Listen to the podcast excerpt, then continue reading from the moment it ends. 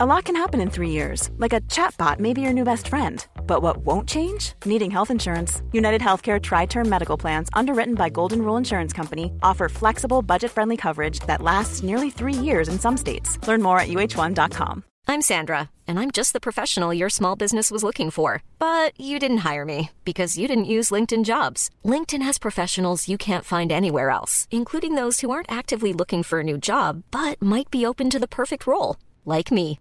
In a given month, over 70% of LinkedIn users don't visit other leading job sites. So if you're not looking on LinkedIn, you'll miss out on great candidates like Sandra. Start hiring professionals like a professional. Post your free job on linkedin.com/people today. It's that time of the year. Your vacation is coming up.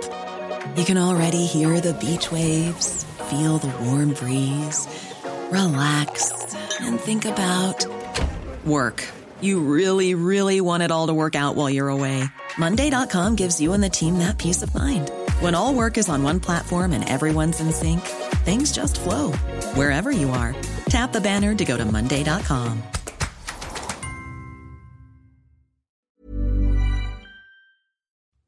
Palmemordet, Anders B's kamrater. Sveriges statsminister Olof Palme är död. 90 000. Ja, det är mord på Sveavägen. Hörde de säger att det är Palme som är skjuten. Mordvapnet med säkerhet är en Smith Wesson, en revolver kaliber .357. Inte ett svar. Det finns inte ett svar. För jag har inget. Och jag har inte varit Varför skulle jag göra Polisen söker en man i 35 till 40-årsåldern med mörkt hår och lång mörk rock. Det här avsnittet är gjort i samarbete med Maxulin. Maxulin är ett kosttillskott för män som vill vara män hela livet. Ni kan läsa mer och ni kan beställa Maxulin till halva priset via maxulin.se. Och jag har själv bestämt, beställt heter det, lite Maxulin. Ska se om det får någon effekt på mig. Det här avsnittet görs också främst finansierat av er lyssnare. Ni kan bidra till podden på patreon.se palmemordet. Där väljer ni en summa ni vill donera per avsnitt, till exempel en eller två dollar. Och om vi når 500 dollar per avsnitt så är det dags för polisspåret. Då kommer jag fyra veckor senare att börja med polisspåret. För jag måste ha fyra veckor till research. Så, och vi är nära. Vi är nära 500 dollar på Patreon. Så gå dit, patreon.com palmemordet och bidra hemskt gärna till podden. Den 9 mars 2018 eh, så publicerade användaren Esho, numera avstängt på Flashback, de fem protokollen från Anders B's kamrater. Anders B var ju om ni kommer ihåg, lyssna gärna på avsnittet Anders B från början av podden, ett av de viktigaste nyckelvittnena. Han var i sällskap med sex personer. Fem av dem kommer vi idag höra i det här avsnittet. De här förhören har nått mig på ett annat sätt också. Jag vet inte om de hör ihop men jag har aldrig sett dem tidigare och jag tror att det är någonting nytt som har kommit ut från Palmeutredningen ganska nyligen. Och jag blev väldigt intresserad när jag läste de här förhören. Och Då tänkte jag att det här måste bli ett avsnitt så vi avbryter den vanliga Viktor Gunnarsson eh, sändningen för att prata om det här. Eh, men Victor, det finns en hel del kvar att prata om Viktor Gunnarsson och vi kommer fortsätta göra det tills vi eh, kommer fram till polisspåret. Det är av yttersta vikt att ni lyssnar på avsnittet Anders B eh, i tingsrätten. Det är avsnitt 6 av podden som kom ut den 3 mars 2016 plus ögonvittnen del 1 som kom ut den 1 mars 2016 om ni inte är insatta i vad Anders B upplevde i Palmemordet så gå dit, lyssna på de avsnitten, avsnitt 5 och 6 av den här podden alltså. För allting vi pratar om idag kommer att ha att göra med Anders B's vittnesmål. För nu ska vi höra Anders kamrater. Och vi kan dela in Anders kamrater i två grupper, precis som han själv gör. Det är de som är lite nyktrare och som går framför tillsammans med Anders B. Och sen är det de som halkat efter, som är lite mer berusade, som genom ödets nycker kommer fram till sin destination före det nyktrare sällskapet. Men de som ska gå på bankomaten vid Sveavägen precis innan mordet är Niklas F, Claes N och Åsa G.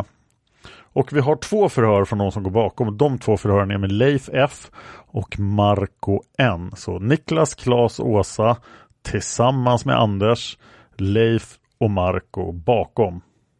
Och borttappade. De har blivit upplockade vid hörnet Kungsgatan Sveavägen. Men vi kommer att föra allting om det. Och vi börjar med Niklas F. Niklas F är liksom Anders B anställd vid Bofors Electronics på Lidingö.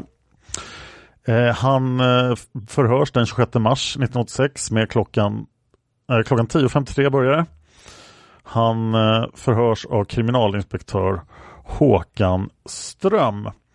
Niklas ska i förhöret redogöra för sina förehavanden fredagen den 28 februari 1986. På kvällen den 28 februari 1986 var Niklas tillsammans med 16 arbetskamrater på restaurang Sankta Clara, vilken är belägen på Regeringsgatan.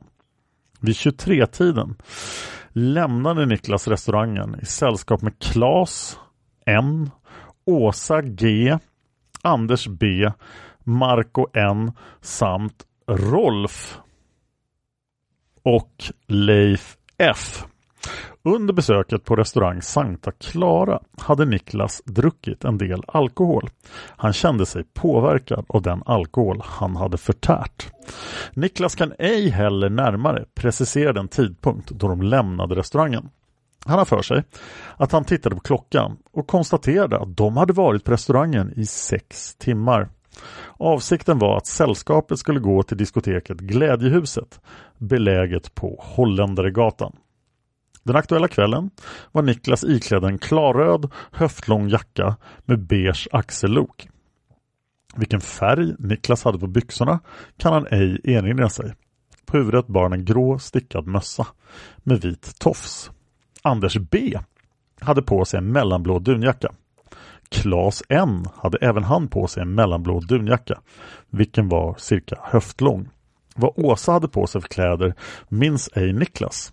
Sällskapet gick Regeringsgatan och därefter trappan ner till Kungsgatan. De fortsatte därefter Kungsgatan till Sveavägen. Någonstans i närheten av korsningen eh, Kungsgatan-Sveavägen tappade Niklas kontakt med Marco N, Rolf samt Leif.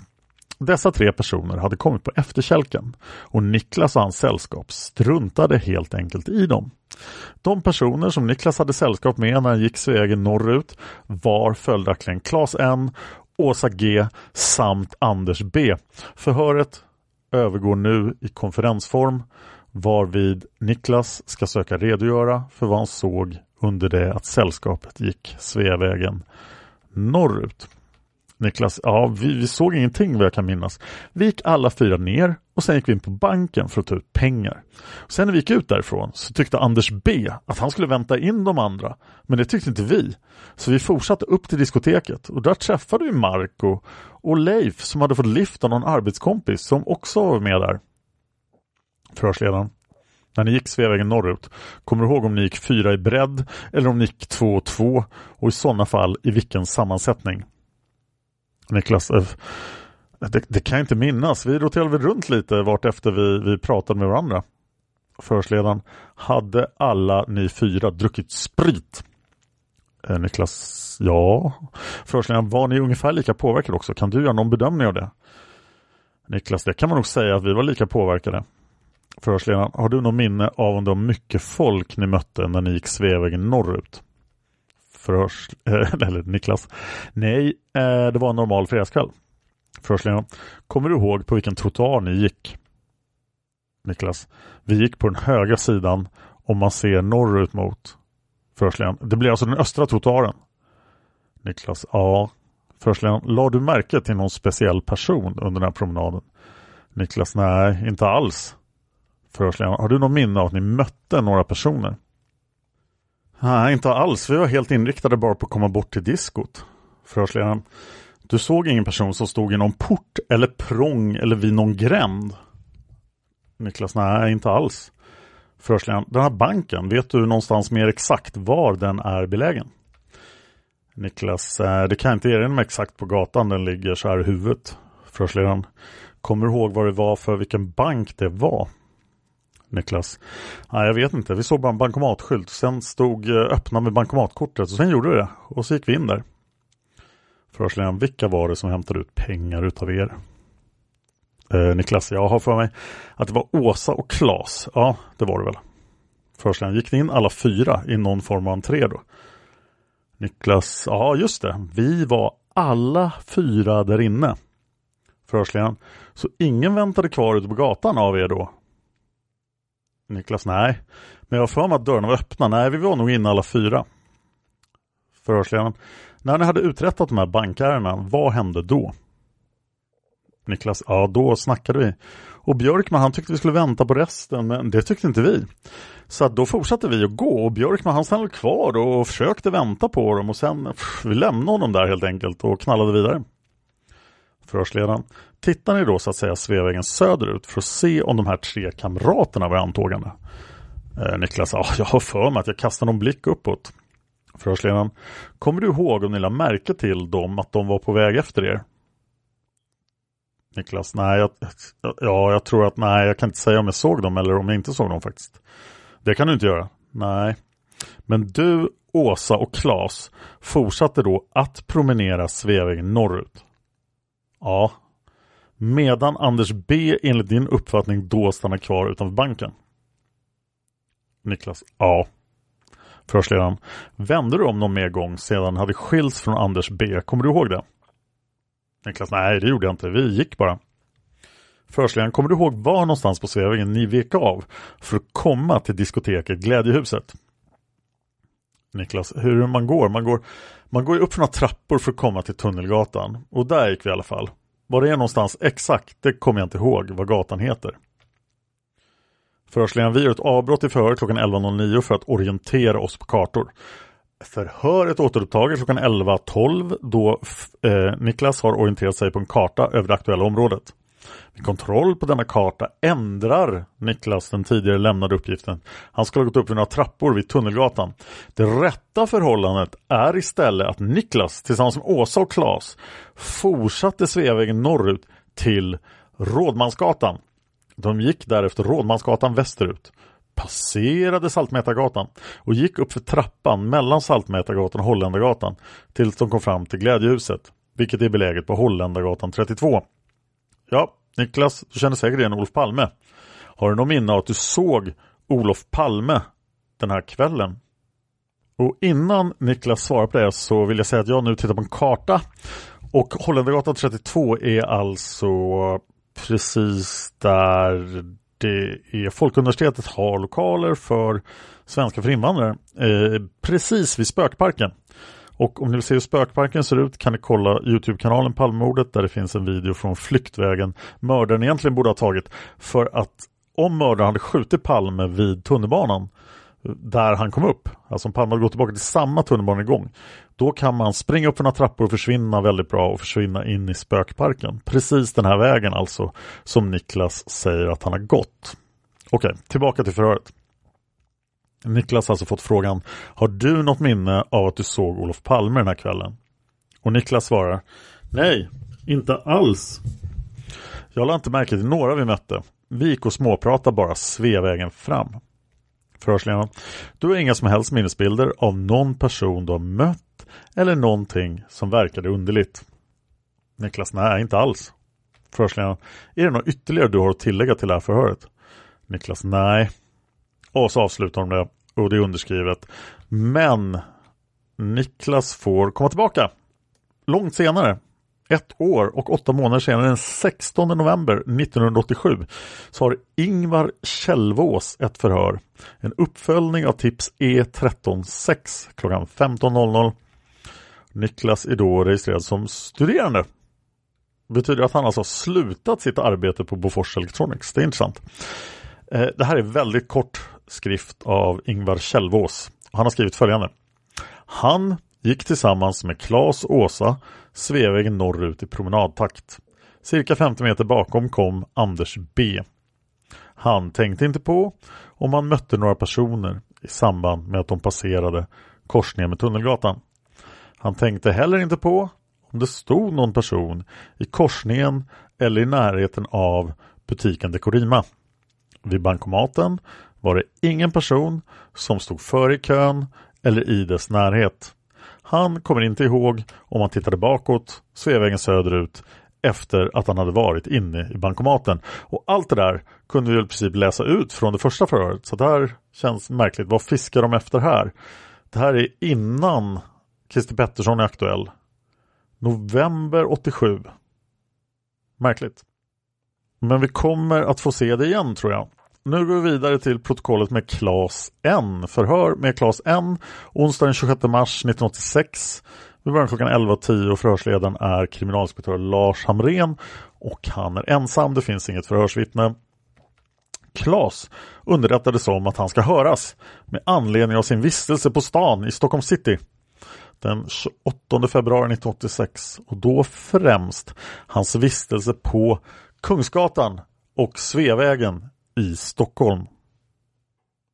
Innan förhöret började så tillfrågades Claes hur han var klädd vid den aktuella kvällen och han uppgav då att han var klädd i en blå täckjacka och svarta byxor och vidare bar han sina ordinarie glasögon. Förhörsledaren.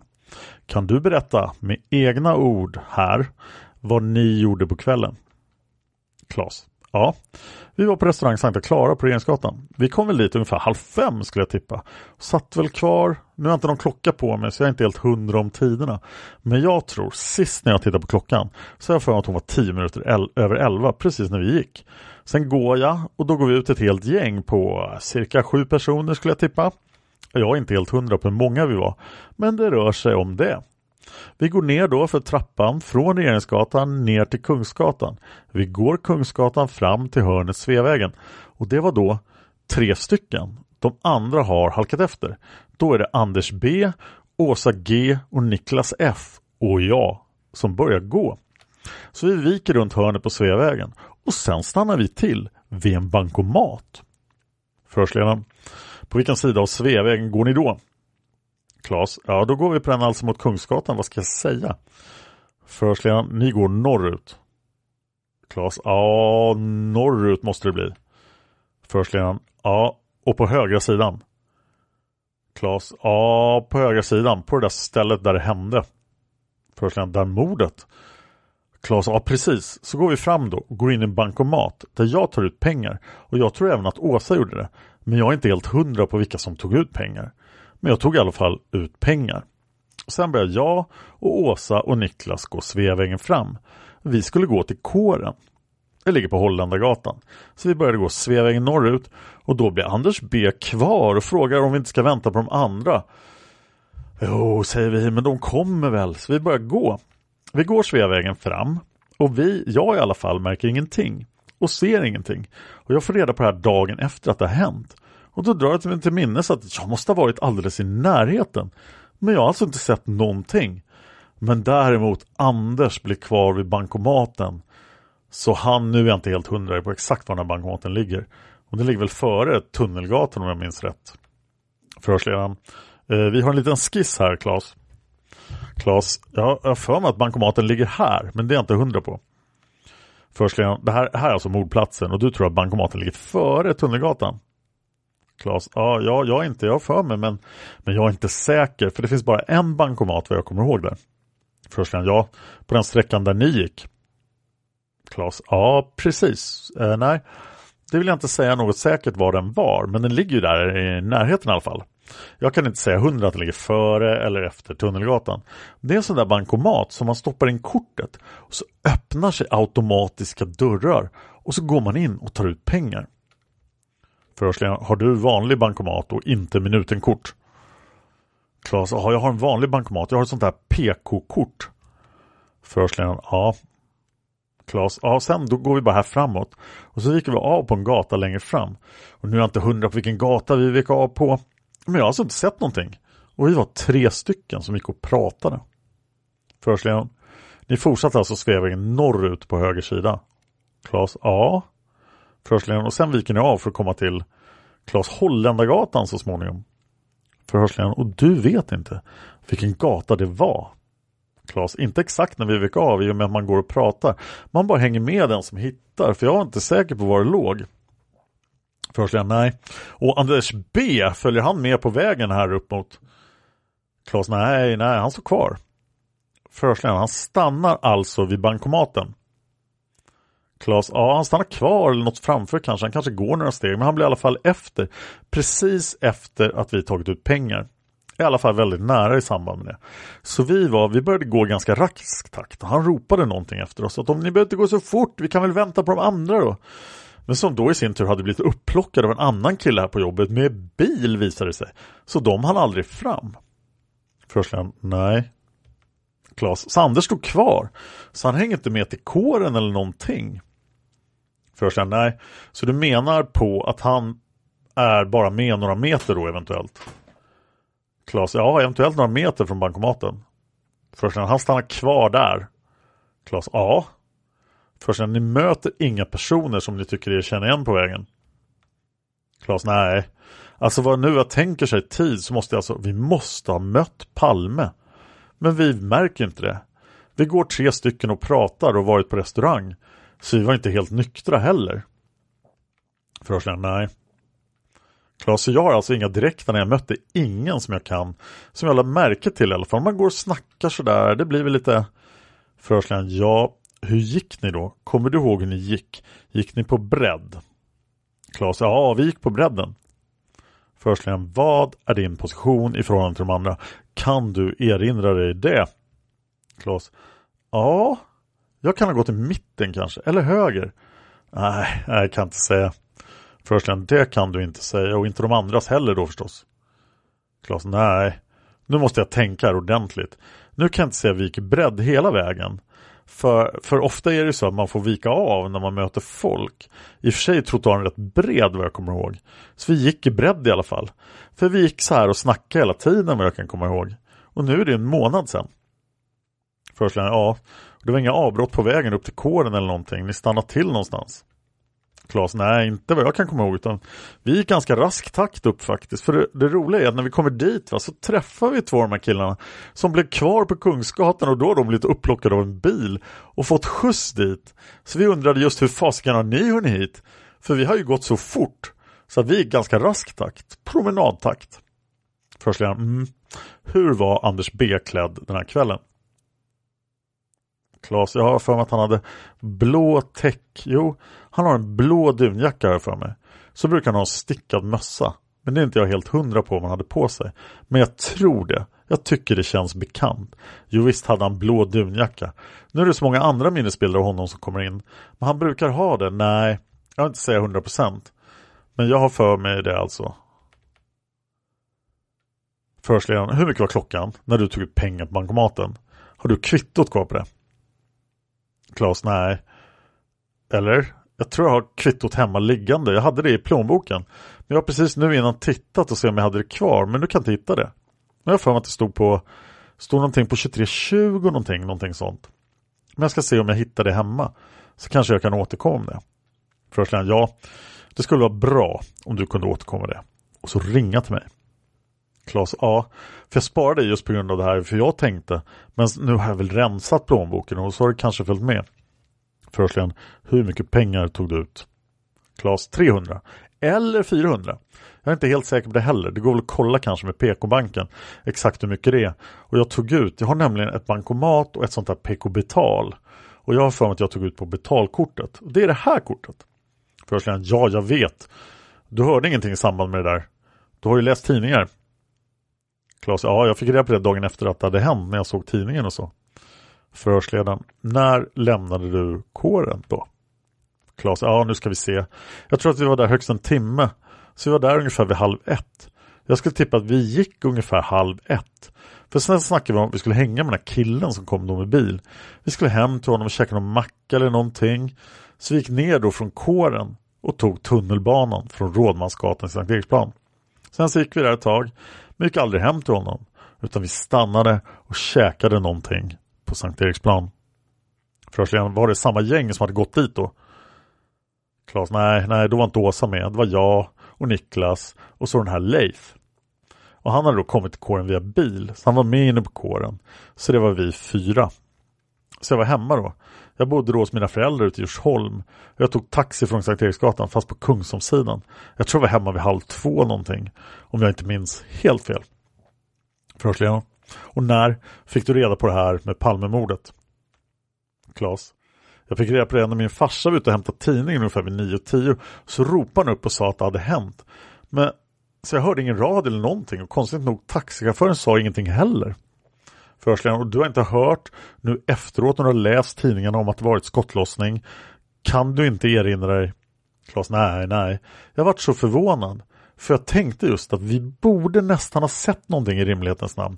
Så jag måste säga att jag var förvånad att vi inte märkte det här. För vi borde vara så pass nära. Förhörsledaren. Eh, hur var det med nykterheten? Klas, ja, vi hade väl druckit några öl och några snaps sådär. För vi började ju rätt tidigt. Vi var ute då, vi var säkert 18 man från jobbet. Vi firade av en kille så vi hade ju druckit en del, det hade vi gjort. Förhörsledaren, mm, du betraktar dig som lite... punkt, punkt, punkt. Klas, ja, inte nykter i alla fall. Men inte asberusad. Förhörsledaren, nej, jag förstår. Var det så överlag då? Klas, ja det var så överlag, ja det kan man säga. Det brukar bli ungefär samma. Förhörsledaren, okej. Okay. Är det något mer du tycker att du vill tillägga efter det här som vi har pratat om? Klas, nej jag har ingenting egentligen att komma med som jag ser utan då har vi råkar befinna oss där utan att ha sett någonting. Och där avslutar de förhöret. Och även då Klas blir inkallad den 12 november 1987 av samme Ingvar Kjellvås. Uppföljning av tips E137. Och det här är Ingvar Kjellvås mycket sparsamma anteckningar från det här förhöret 1987 med Klas N. Gick tillsammans med Åsa, Niklas och Anders Sveavägen norrut i rask takt. När de passerade Tunnelgatan Sveavägen la han inte märke till någon person i korsningen eller i närheten av Tekorima. Han kommer inte ihåg om de mötte någon person i samband med korsningen eller strax efter. Han såg ingen person som kom efter på Sveavägen. Föret slut klockan 12.50, föret var alltså 10 minuter långt. Den tredje personen som förhörs är då den sista av de här människorna som var tillsammans med Anders B vid bankomaten. Det är Åsa G, anställd på Bofors Aerotronics var det. Eh, på Lidingö. Föret hålls på arbetsplatsen onsdagen den 26 mars 1986 med början klockan 10.55 av Lars Hamrén. Åsa underrättades om When you're ready to pop the question, the last thing you want to do is second guess the ring. At BlueNile.com you can design a one-of-a-kind ring with the ease and convenience of shopping online. Choose your diamond and setting. When you find the one, you'll get it delivered right to your door. Go to Bluenile.com and use promo code LISTEN to get $50 off your purchase of $500 or more. That's code LISTEN at Bluenile.com for $50 off your purchase. Bluenile.com code LISTEN.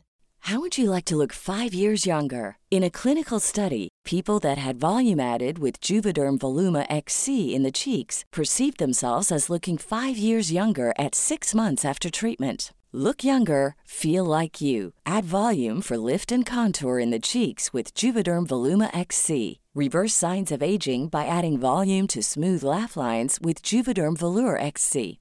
For important safety information and to find a licensed specialist, visit juvederm.com. That's J U V E D E R M.com. Not for people with severe allergic reactions, allergies to lidocaine, or the proteins used in Juvederm. Common side effects include injection site redness, swelling, pain, tenderness, firmness, lumps, bumps, bruising, discoloration, or itching. There's a risk of unintentional injection into a blood vessel, which can cause vision abnormalities, blindness, stroke, temporary scabs, or scarring. Talk to a licensed specialist to find out if it's right for you.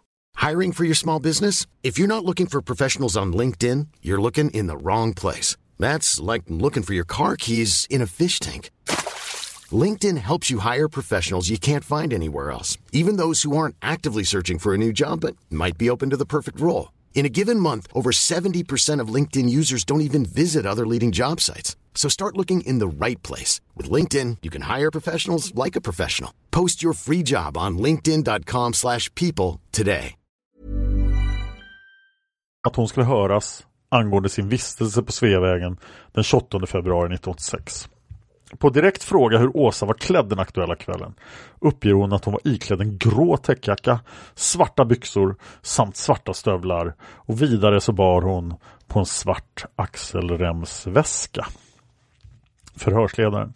Kan du med egna ord berätta vad ni gjorde den här kvällen? Åsa. Vi var då flera stycken härifrån som var på Sankta Clara.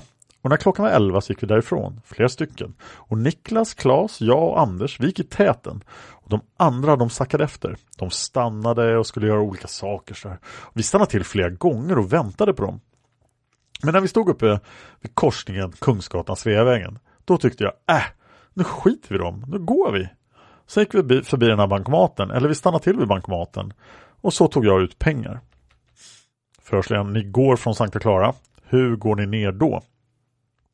Åsa, vi går ner för de där trapporna där. Vi går på vänstra sidan av Kungsgatan och sen går vi över uppe vid korsningen. Går vi över gatan där vid rödljusen. Förhörsledaren, ni går alltså ner trapporna från Regeringsgatan ner till Kungsgatan. Sen går ni mot Sveavägen och den går ni över på höger sida på Kungsgatan. Åsa, ja just det. Förhörsledaren, och sen tar ni, sen går ni Sveavägen då alltså. Åsa, ja sen går vi Sveavägen. Vi ska till kåren då, där vid Rådmansgatan. Det var dit vi skulle. Ja, då tar jag ut pengar och sen tar Klas ut pengar. Förhörsledaren, vilken bank är det? Åsa, den ligger precis där det hände. Den ligger bara 10-15 meter därifrån. Förhörsledaren, bortanför. Åsa, ja. Förhörsledaren, vad är det för kort du använder? Åsa, bankomatkort. Förhörsledaren, bankomatkort. Har du kvittot kvar? Åsa, det har jag slängt. Men jag tittade på det och det var 2316. Och Claes kollade på sin lapp och det var 2317. Först när tittade du på det? Åsa, när jag kom hit då på måndag, de fick höra det här. Och sedan när jag kom hem på kvällen så tittade jag på lappen. Först hur mycket tog du ut? Åsa, 300 kronor. Som jag varit bestulen på sen ja. Först jaha. Åsa, ja ja. Då gick, nu kommer jag inte ihåg om jag gick i mitten, antingen så gick jag i mitten och så gick jag längst ut mot vänster. Men då gick Klas, Niklas och jag, vi gick liksom i täten. Och Anders gick bakom oss, för han tyckte att vi skulle vänta på de andra. Sen fortsatte vi att käbbla om det efter att vi tagit ut pengar. Och han stod kvar. Och så gick vi då. Förhörsledaren, så ni argumenterade om att ni skulle vänta på de andra som var eftersläntarna då? Åsa, ja just det. Förhörsledaren, och de hade ni släppt någonstans på Kungsgatan? Åsa, ja. Förhörsledaren, så ni tre går, Niklas, Klas och du, ni går mot kåren? Ja. Förhörsledaren, händer det något speciellt på vägen? Hur går ni dit då? Vilken väg går ni till kåren? Åsa, ja. Om man går ner mot Rådmansgatan, sen så. Förhörsledaren, vilken väg gick ni? Åsa, om du har Sveavägen, här ligger bankomaten och då går vi hela vägen rakt fram. Och sen så nu vet jag inte riktigt om man går upp där eller där mot kåren. Jag vet inte om man går över gatan. Var ligger Rådmansgatan? Ligger det på den här sidan? Förstligen, ja det ligger där borta. Åsa, ja vi gick, vi gick ju rätt långt här. Förstligen, ni går alltså norrut på Sveavägen. På Sveavägens högra sida så att säga. Sett från Kungsgatan. Åsa, ja. Förstligen, och då går ni upp till Rådmansgatan. Och sen svänger ni av upp till kåren där, stämmer det? Åsa A. ja, vi gick länge på Sveavägen i alla fall, fram till någon pizzeria Venezia eller vad den heter. Och där går man upp. Förstligen, ja. Och där gick ni upp då. Åsa, ja. Där gick vi upp. Förstligen, träffade ni på några kändisar på vägen nu då? Åsa, nej. Förstligen, inte det. Hur går ni då när ni går dit då? Har de här två andra killarna sinsemellan, hur går ni själva? Åsa, vi går i bredd då. Förstligen, ja, var går du någonstans? Åsa, ja det var det jag sa förut, antingen i mitten eller till vänster. Jag kommer inte riktigt ihåg, jag tror att jag gick i mitten. Förhörsledaren mitten eller längst ut mot gatan då. Åsa, ja just det. Förhörsledaren, är det någon som går och håller om dig där eller? Åsa, nej.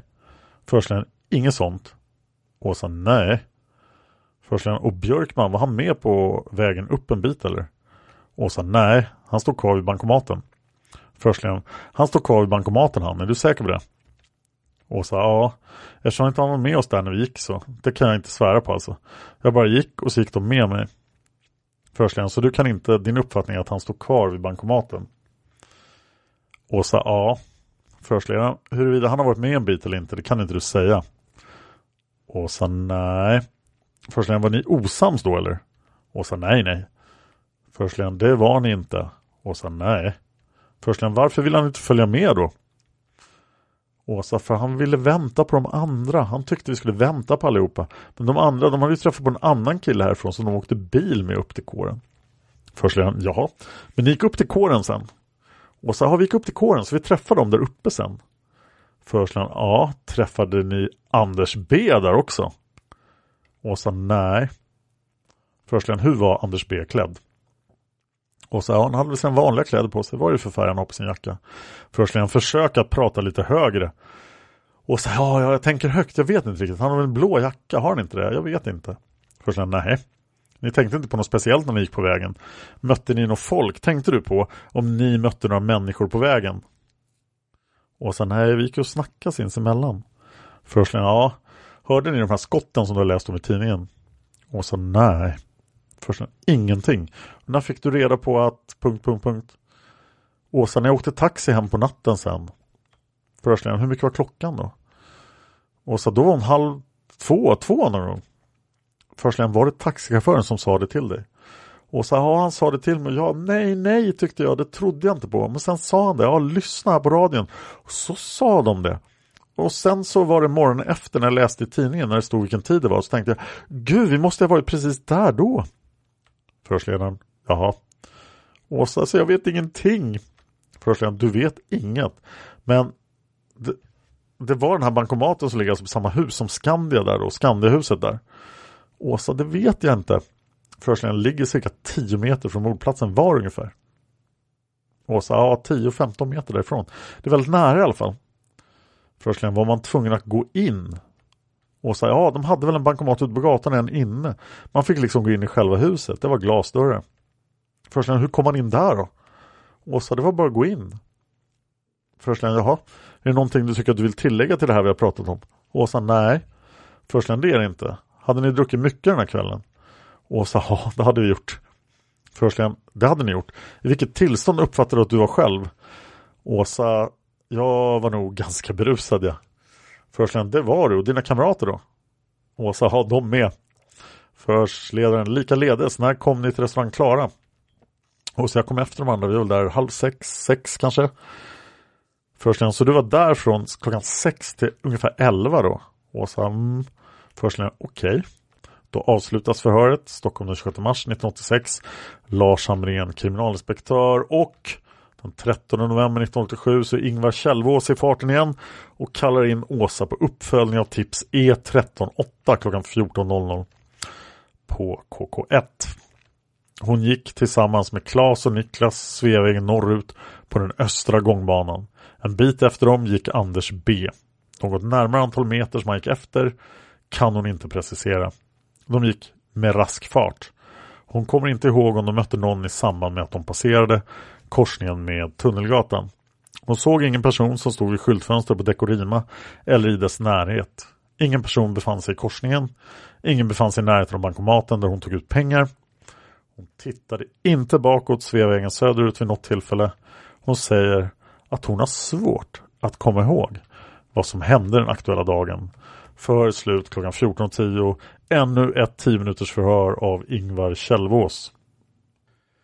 Jag har inget förhör med Rolf.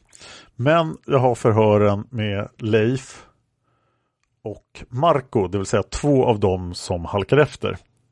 Och Leif F är förhörd redan den 5 mars klockan 19.20 av Thomas Dennerby. Leif hade på kvällen varit på firmafest. Han åkte så småningom hem till sin bostad på Karlbergsvägen. I hörnet Karlbergsvägen och Sankt Eriksgatan mötte han en mycket uppskrämd och skärrad yngre kvinna. Hon uppgav att hon hade blivit våldtagen. De gick in i porten hos Leif och pratade en liten stund. Eh, han sa att de skulle ringa till polis men flickan ville bestämt inte detta. Eh, han sa då att hon åtminstone kunde gå upp till honom och vila en stund och detta accepterades. Flickan somnade sedan uppe i Leifs lägenhet. Han gick och satte på radion och fick efter en stund höra nyheten att Palme hade blivit ihjälskjuten. Han väckte då flickan för att berätta nyheten om Palme. Hon svarade då Jaså, Pelle lyckades i alla fall. Flickan hette Censur och eventuellt Censur efternamn. Hon är född Censur och hon bor Censur.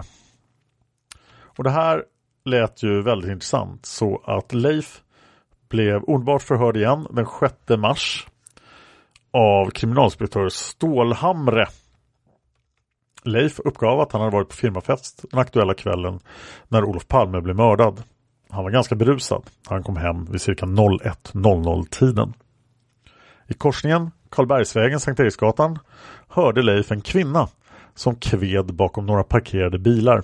Han och en annan kvinna som just passerade gick fram till flickan som hukade bakom en bil. De frågade flickan vad som hänt. Hon verkade mycket uppskärrad. Hon var inte berusad. Flickan berättade att hon hade blivit våldtagen. I övrigt berättade hon inget mer. Leif sa att de skulle ringa till polisen. Men det ville inte flickan. Leif frågade om hon ville vila sig en stund. Hon svarade ja och de gick upp till Leifs lägenhet där flickan nästan omgående somnade. På morgonen frågade Leif flickan vad som hade hänt kvällen innan. Kvällen innan. Flickan sa att hon inte kom ihåg någonting. På natten när flickan sov så hörde Leif på radion att Olof Palme hade mördats. Han väckte då flickan och berättade det för henne. Flickan mumlade då Jaså, Pelle lyckades i alla fall. Och därefter somnade hon igen. När flickan skulle gå upp på morgonen så såg Leif ett tillfälligt ID-kort som flickan la upp på köksbordet. Han vill minnas att det stod något efternamn liknande censur. Hon sa att hon hette censur och att hon var censur. Leif är osäker på detta namn. Han vill minnas att han såg på tidigare nämnda legitimation att flickan var född censur. Eh, det här får en uppföljning i mars 1987, det vill säga en helt annan tid än de andra förhören jag pratar om idag. Kriminalinspektör Monica Andersson kallar in Leif F och hör honom angående hans iakttagelser fredagen 86.02.28 vid 23-tiden. Leif uppger att han befann sig på restaurang Sankta Clara på Regeringsgatan tillsammans med ett 20-tal arbetskamrater. Vid 23-tiden lämnade en del av dem restaurangen för att besöka kåren, vilket ligger på Holländargatan. Gänget som skulle till kåren bestod av Åsa G, Niklas Klas, Anders B, Marco N samt Rolf Ö. Åsa, Niklas Klas och Anders B går först därefter kommer Marco, Rolf och Leif.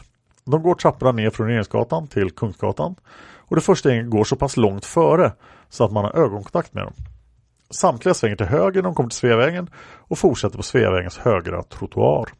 Då Leifs gäng har kommit fram mellan Apebergsgatan och Tunnelgatan i höjd med en hög annonspelare kommer plötsligt en bil på väg Sveavägen norrut. Marco ser då att det är några kompisar till honom och kompisarna stannar och de börjar samtala. De står där någon minut och samtalar under tiden ser Leif det andra gänget längre fram på Sveavägen. Han säger sig åtminstone vara säker på att han ser Åsa. Därefter sätter de sig i bilen för att bli körda upp till kåren. Leif säger sig inte känna personerna som finns i bilen utan det är endast Marco som känner dessa. Vad han kan minnas så är det två eller möjligen tre yngre killar i bilen. Bilen är av en mindre modell och är mörkröd till färgen. De kör fram till Tunnelgatan där de svänger vänster och sen vidare upp till kåren på Holländargatan. Leif har inte gjort någon speciell iakttagelse på Tunnelgatan, vare sig av någon person eller av något fordon.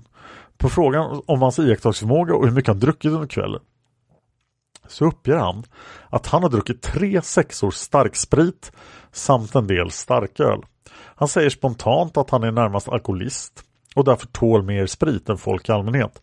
Han anser sig därför vara den nyktraste i sällskapet. När de stigit ur bilen på Holländargatan ser de det andra sällskapet komma upp ner från Sveavägen. De är sedan inne på kåren någon timme men Leif trivs inte och tillsammans med Niklas och Klas lämnar han kåren och går ner till Rådmansgatans T-banestation och tar tunnelbanan till Sankt Eriksplan. Avsikten är då att de ska gå hem till Leif på Karlbergsvägen och köpa några lättöl i en korvkiosk på Sankt Eriksplan. När de kommer fram dit inhiberar de dessa planer och Niklas och Klas fortsätter istället över Sankt Eriksbron till Kungsholmen medan Leif bestämmer sig för att gå hem. Han går sedan Sankt Eriksgatan upp mot Karlbergsvägen och när han kommer fram till det kvarter som hans hus ligger i blir han hejdad av en kvinna. Han beskriver kvarteret så som trekantigt med en parkeringsplats innanför staket. Kvinnan uppger att det innanför staketet på P-platsen finns en flicka som säger att hon blivit våldtagen. Kvinnan säger också att hon stått där en längre stund och talat med flickan som finns innanför staketet. Flickan kommer sedan fram till staketet och Leif och kvinnan lyckas sedan lyfta flickan över staketet. Eftersom de då befinner sig nära Leifs bostad går alla tre in i porten för att tala med flickan. De vill ringa efter polis till henne, men detta vill inte flickan alls vara med om. Och det hela slutar med att flickan följer med Leif upp och den andra kvinnan lämnar platsen. Flickan somnar nästan omedelbart på soffan i vardagsrummet men flyttar sig sedan in till sovrummet. Någon gång under den här tiden sätter Leif på radion och får då höra att det är mycket tung musik och lyssnar sedan en stund till och får då höra att Olof Palme har blivit skjuten. Han går då in och väcker flickan och säger Har du hört? Olof Palme har blivit skjuten. Och flickan svarar då Jaså, Pelle lyckades i alla fall. Men det har inte något med oss att göra. Beträffande flickans tillstånd uppger Leif att hon sannolikt var påverkad av eh, något, antingen alkohol eller narkotika. Leif tror att det var därför hon inte ville åka till sjukhus. Hon stannade sedan kvar i hans lägenhet fram till sjutiden på morgonen. När Leif och kvinnan samt flickan befann sig i trappuppgången tittade de på flickans legitimation och såg att hon hette Censur och att hon skulle censur. Beträffande kvinnan som påkallar hans uppmärksamhet uppger inte längre minnas hennes namn men han hade hennes visitkort till att börja med och ringde upp henne efter ett par dagar och berättade att flickan hade stannat över natten hos honom och sen åkt hem. Angående flickans uttalande om att Pelle lyckades i alla fall uppger Leif att han inte frågar någon närmare om det. Men han har på något sätt fått uppfattningen att Pelle skulle vara någon pojkvän till flickan. Ja, om någon förstår någonting av Pelle lyckades i alla fall så får ni gärna skriva det i kommentarerna till det här avsnittet. Till exempel på Youtube eller på Facebook där ni borde likea Palmemordets sida. Vi har en person kvar idag. Vi ska prata om Marco N. Anställd vid Bofors Aerotronik heter det nu. Men Aerotronik är nog det rätta namnet. Förhöret hållet den 26 mars 1986 med början klockan 11.23 på eh, Håk, eh, så här, Marcos eh, anställningsplats. Och förhörsledare är kriminalinspektör Håkan Ström. Marco ska höras angående sina iakttagelser på Sveavägen kvällen den 28 februari 1986. Den aktuella kvällen hade Marco i sällskap med flera arbetskamrater varit på restaurang Sankta Clara, belägen på Regeringsgatan. Mark hade under kvällen druckit ganska tappert och han har därför ingen exakt uppgift om när han lämnade restaurangen. Han uppskattar dock tiden till runt klockan 23.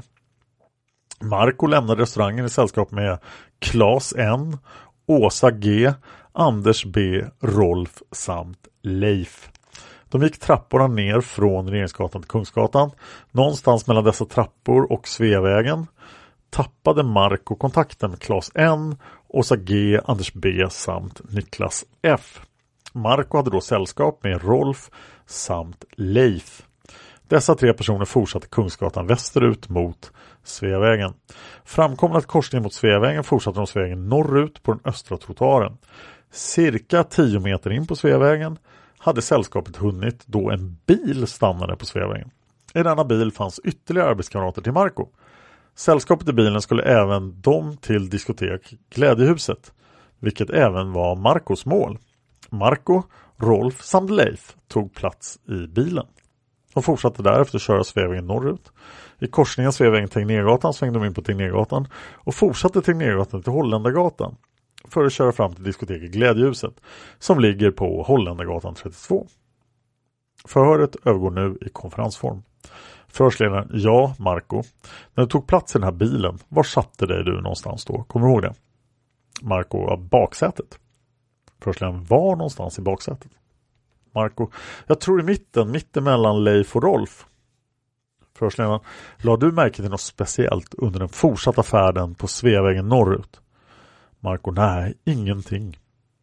Förhörsledaren, hade de minne av att någon i bilen kommenterade någonting av vad de såg under den här färden på Sveavägen? Marco, nej det, det, kommenterades inte vad jag kommer ihåg utan vi, vi var ganska glada över att få skjuts den sista biten. I synnerhet hade vi roligt åt att vi skulle komma fram före de som var före oss. Det var väl på den nivån samtalet gick. Förhörsledaren, såg du dina andra arbetskamrater som då hade gått i förväg som ni rimligen bör ha passerat på Sveavägen? Marco, nej. Faktum var att jag tittade efter dem. Det kommer jag ihåg. Men vi hade hunnit åka för långt antagligen. De hade inte hunnit gå så långt. De hade stannat vid någon bankomat eller något sånt.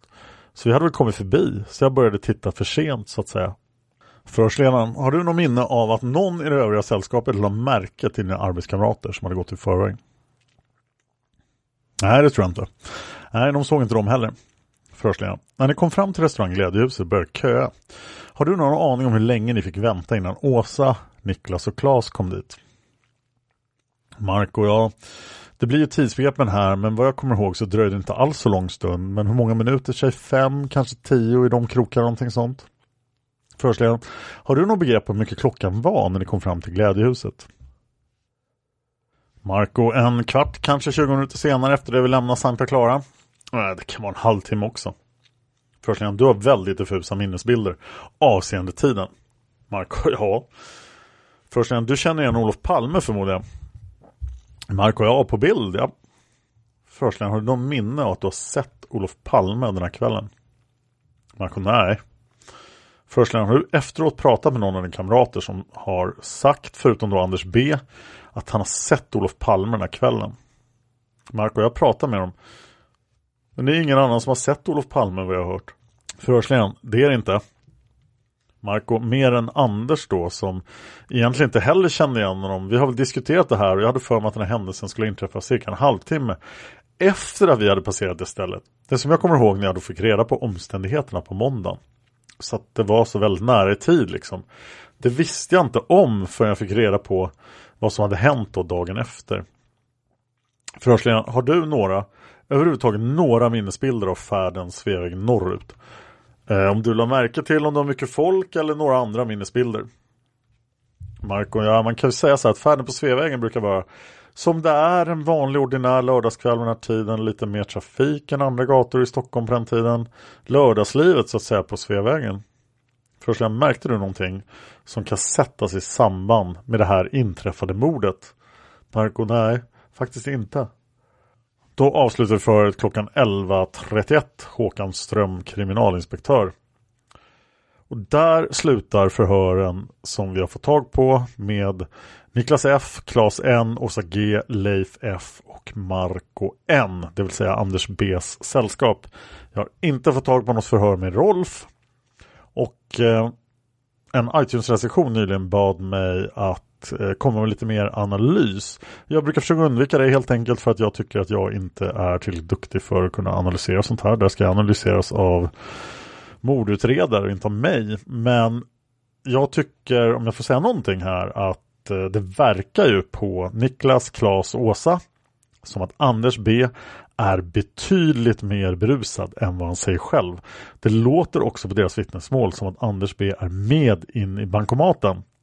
Det vill säga han står inte ute på gatan under den här tiden. Vilket skulle förklara varför han inte ser paret Palme tidigare. För att jag ofta funderar på hur kan paret Palme passera Anders B om han står utanför och väntar. De, de enda personerna på gatan där. Varför ser han inte dem? Eh, det här får mig också att fundera över hur kan personen som Nikola F ögonvittnet ser bakom paret Palme anses vara Anders B när Anders B så uppenbarligen inte är så långt norrut på Sveavägen. Så det här är lite analys, ni får gärna komma med synpunkter. Eh, och ni får gärna göra en egen analys om de här vittnesmålen och av Anders B's vittnesmål i det här nya ljuset. För Anders B är ju ett av de allra viktigaste vittnena i Palmemordet. Och vad innebär de här sidovittnesmålen för hans trovärdighet och hans historia överlag? Så, där stack jag ut näsan lite grann. Får se vad ni tycker om det. Jag vill hemskt gärna ha fler iTunes-recensioner. Jag ska inte läsa här, jag gjorde det i förra avsnittet. Men jag kommer att läsa upp alla iTunes-recensioner i podden. Så om ni lyssnar på podden på en Apple-plattform får ni gärna lämna recensioner. Lyssnar ni på en Android-plattform får ni också gärna lämna recensioner. Men då märker inte jag det så jag har svårt att läsa dem. Palmordet finns på Facebook och på Youtube. Jag vill passa på att tacka alla patrons. Jag vill också prata om en ny podd som jag har startat. Det är Dan Hörnings fantasyserie Mörkret. Finns på podmi.com och det är alltså jag som läser min fantasyroman Svärdspel i Hadalon. Det är lättsam actionkomedi i fantasymiljö. Och eh, ja, jag hoppas ni kommer att gilla den. Eh, Nextory-erbjudandet gäller fortfarande. Ni kan gå till Nextory nextory.se kampankod, skriva koden PALME. Får ni 30 dagars tillgång gratis till ljudböcker och e-böcker. och det kan ni avbryta när ni vill och det gäller nya kunder. Det var allt jag hade för den här gången. Nästa vecka tror jag vi är tillbaka med Viktor Gunnarsson förhör. Tack för att ni lyssnade på Palmemordet. Man hittar Palmes mördare om man följer PKK-spåret till botten. Därför att ända sedan Julius Caesars tid har det aldrig hört talas om ett mord på en framstående politiker som inte haft politiska skäl. Polisens och åklagarens teori var att han ensam hade skjutit Olof Palme. Och det ledde också till rättegång. Men han frikändes i hovrätten. Nu ska vi ut på rövarstråt. Vi ska ut och röva. The softest sheets you've ever felt. Now imagine them getting even softer over time. That's what you'll feel with Bowl and Branch's organic cotton sheets. In a recent customer survey, 96% replied that Bowl and Branch sheets get softer with every wash. Start getting your best night's sleep in these sheets that get softer and softer for years to come. Try their sheets with a 30-night guarantee. Plus, get 15% off your first order at bowlandbranch.com. Code BUTTERY. Exclusions apply. See site for details. Hey, it's Paige DeSorbo from Giggly Squad. High quality fashion without the price tag. Say hello to Quince. I'm snagging high-end essentials like cozy cashmere sweaters, sleek leather jackets, fine jewelry, and so much more. With Quince being 50 to 80% less than similar brands. And they partner with factories that prioritize safe, ethical, and responsible manufacturing. I love that. Luxury quality within reach. Go to quince.com slash style to get free shipping and 365 day returns on your next order. Quince.com slash style. Even when we're on a budget, we still deserve nice things. Quince is a place to scoop up stunning high-end goods for 50 to 80% less than similar brands. They have buttery soft cashmere sweaters starting at $50, luxurious Italian leather bags, and so much more. Plus, Quince only works with factories that use safe, ethical, and responsible manufacturing. Get the high-end goods you'll love without the high price tag with Quince. Go to quince.com/style for free shipping and 365-day returns.